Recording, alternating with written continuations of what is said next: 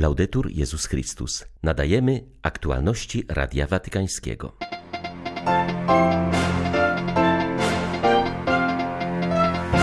Papież zachęca dziś do współpracy między małżeństwami i kapłanami w ewangelizacji oraz do pielęgnowania owoców ostatnich Światowych Dni Młodzieży.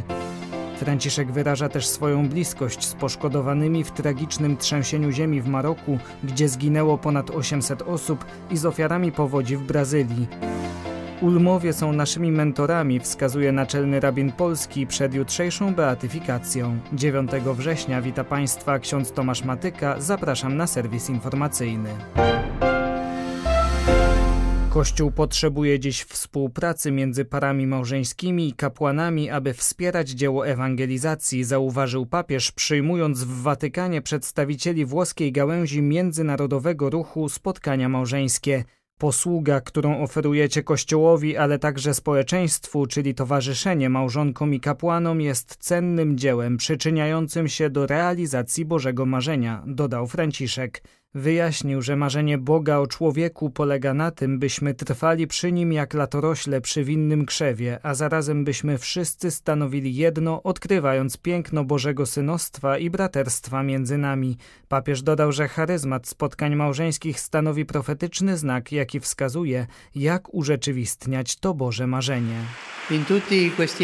Przez wszystkie te lata, zainspirowani Jezusowym przykazaniem miłości, zaangażowaliście się w ponowne odkrycie sakramentu małżeństwa i sakramentu święceń, starając się nie tylko pogłębić ich bogactwo w odrębny sposób, ale także wydobyć związek między tymi dwoma ważnymi powołaniami. Małżeństwo oraz sakrament święceń, choć w różny sposób i zgodnie z charyzmatem właściwym każdemu z nich, pozostają ze sobą ściśle powiązane, ponieważ oba objawiają Bożą miłość, budując mistyczne ciało Kościoła. Te dwa sakramenty, w rzeczywistości na różne, ale uzupełniające się sposoby, mówią o oblubieńczości z jednej strony całkowite, jedyne i nierozerwalne oddanie się małżonków, a z drugiej ofiarowanie życia kapłana dla Kościoła.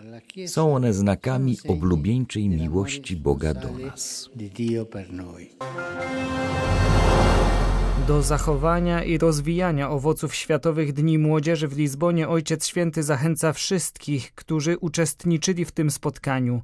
Taka jest treść specjalnego wideoprzesłania papieża nagranego przez biskupa Ameryka Aguiara. Hierarcha przewodniczył komitetowi przygotowawczemu tego wydarzenia. W krótkiej wypowiedzi Ojciec Święty zwraca uwagę na to, co pozostało po tak niezwykłym spotkaniu ponad miesiąc po jego zakończeniu.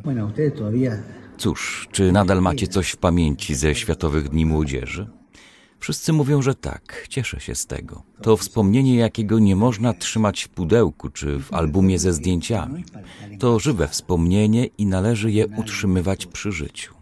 Ale jak utrzymać przy życiu? Przekazując to dalej, dając to innym. Rodzina jest utrzymywana przy życiu poprzez dzieci, które przekazują ją dalej, a potem rodzice stają się dziadkami, zaś ona zawsze pozostaje żywa. I wy także utrzymujcie wspomnienie waszych doświadczeń na SDM przy życiu. Nie znieczulajcie ich, nie umieszczajcie ich w albumie wspomnień z przeszłości i opowiadajcie o tym.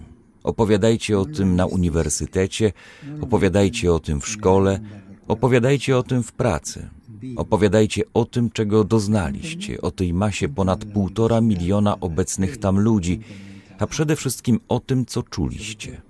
I proszę Was teraz, bądźcie misjonarzami, bądźcie propagatorami, bądźcie świadkami tego, czego doświadczyliście. I dziękuję Wam. Dziękuję Wam za świadectwo, które już daliście. Teraz przypada Wasza kolej, by być świadkami. Ojciec Święty docenia rolę, jaką w polskim kościele i społeczeństwie odgrywał i nadal odgrywa gość niedzielny. Czytamy o tym w liście gratulacyjnym z okazji stulecia tego największego w Polsce tygodnika katolickiego.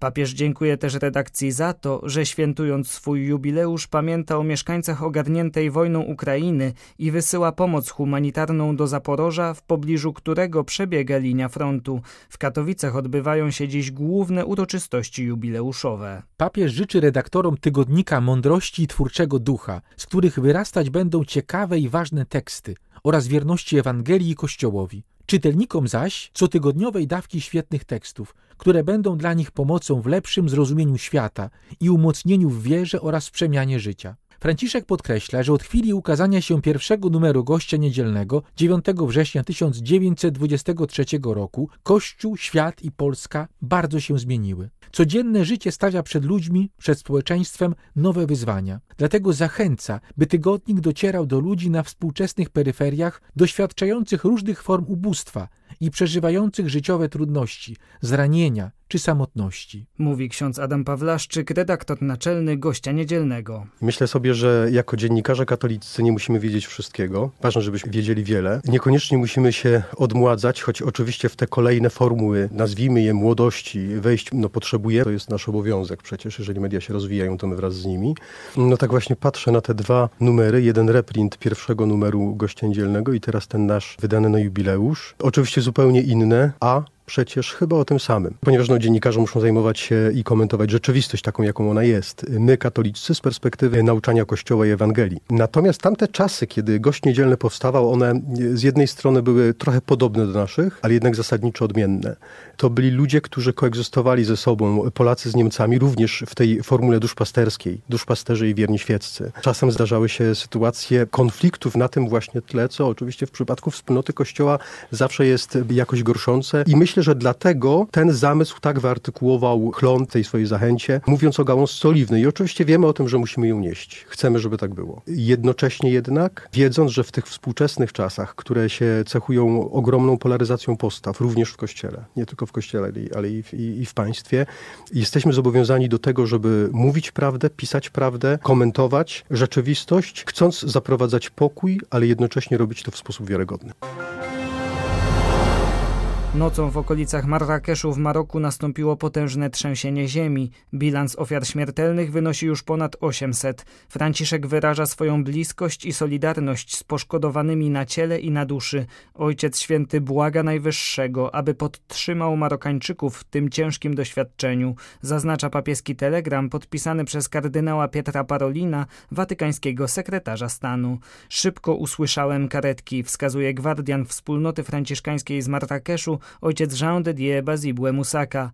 Zakonnicy opiekują się jedyną miejscową katolicką świątynią świętych męczenników w Guelis. Pochodzący z Demokratycznej Republiki Konga duchowny dodaje, że Kościół usiłuje już organizować jakąś pomoc. Jak zaświadcza, dla Marokańczyków cała sytuacja stanowi poważną traumę. Jest strach, ponieważ wszystko wydarzyło się nocą więc ludzie spali w domach, z czego zostali wyrwani, co powoduje niepokój. Też w 1960 roku doszło do wielkiego trzęsienia ziemi w niedalekim mieście, w Agadirze i wszyscy mieszkańcy zginęli. Więc w ludziach budzi się trauma, gdy mamy sytuację taką jak teraz. Modlitwa stanowi wsparcie. Należy również dziękować Bogu, że nie zrealizował się scenariusz z Agadiru sprzed lat. Agadir no, non era actuale. Papież zapewnia o modlitwie za ofiary kataklizmu w brazylijskim stanie Rio Grande do Sul. W ostatnich dniach południe Brazylii nawiedził cyklon, przynosząc porywiste wiatry i silne opady deszczu. W wyniku powodzi i osunięć ziemi zginęło co najmniej 41 osób. Tysiące pozostają bez dachu nad głową. Telegram kondolencyjny wystosował w imieniu papieża watykański sekretarz stanu. Franciszek z ojcowską troską pragnie zapewnić o swych modlitwach o wieczny odpoczynek dla ofiar śmiertelnych, a także za pozbawione domów rodziny, życząc, aby odbudowa dotkniętych miejscowości nastąpiła szybko i skutecznie, pisze kardynał Pietro Parolin.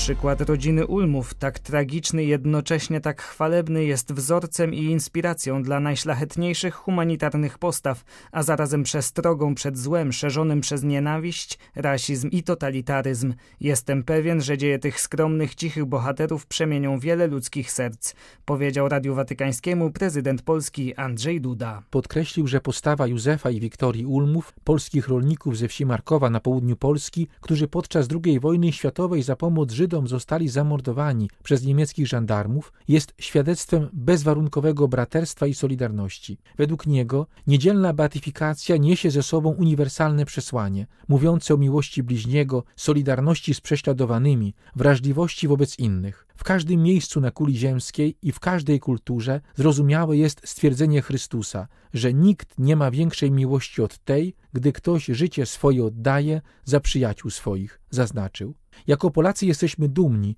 że 10 września 2023 roku rodzina Ulmów, naszych rodaków, zostanie uroczyście włączona w poczet błogosławionych Kościoła katolickiego, dodał prezydent Polski. W dramatycznych warunkach okupacji wielu ludzi skupiało się na zmaganiu o byt własny i bliskich, lecz nie odmawiało ratunku żydowskim bliźnim, znajomym, sąsiadom, przyjaciołom, a nieraz i obcym, którym trzeba było pomóc po prostu jak człowiek człowiekowi, zaznaczył. Prezydent Duda ocenił, że Niemcy wiedzieli, jak bliskie są więzy między Polakami i Żydami w lokalnych społecznościach i właśnie dlatego w okupowanej Polsce za pomaganie Żydom groziła kara śmierci. Podobnie jak rodzina Ulmów, najwyższą ofiarę za ratowanie Żydów poniosło około tysiąca Polaków, podkreślił.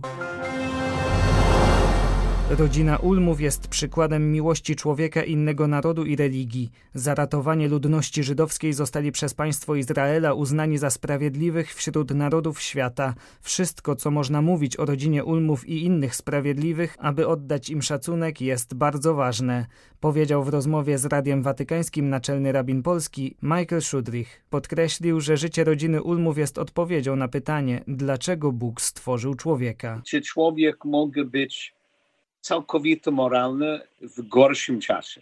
To jest wyzwanie dla nas. W jaki sposób ja mogę być moralny?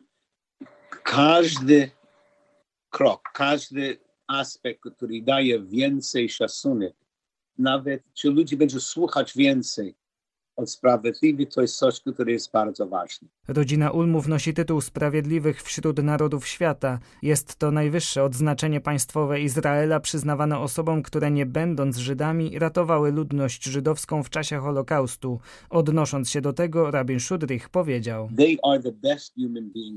Sprawiedliwi są najlepszymi istotami ludzkimi na świecie. Są przykładem tego, jakimi Bóg chce, abyśmy byli. Dlatego rodzina Ulmów i wiele innych rodzin w Polsce i w całej Europie są naszymi przewodnikami, są naszymi mentorami. Nie żyjemy w tak ekstremalnych czasach, ale to nie znaczy, że nie mamy dylematów i wyzwań moralnych. Przykład jak żyć daje nam rodzina Ulmów.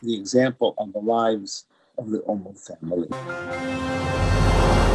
Uzdrów serca tych, którzy rozpętali nie tylko wojnę na Ukrainie, ale i w innych miejscach świata. Uzdrów ludzki chory umysł, wytwarzający nowy front, nowe pole walki, jakim jest bunt przeciw Bogu i przeciw człowiekowi, mówił kardynał Dominik Duka, wysłannik specjalny papieża Franciszka podczas koronacji obrazu Matki Bożej Uzdrowienia Chorych w Smolicach w archidiecezji poznańskiej.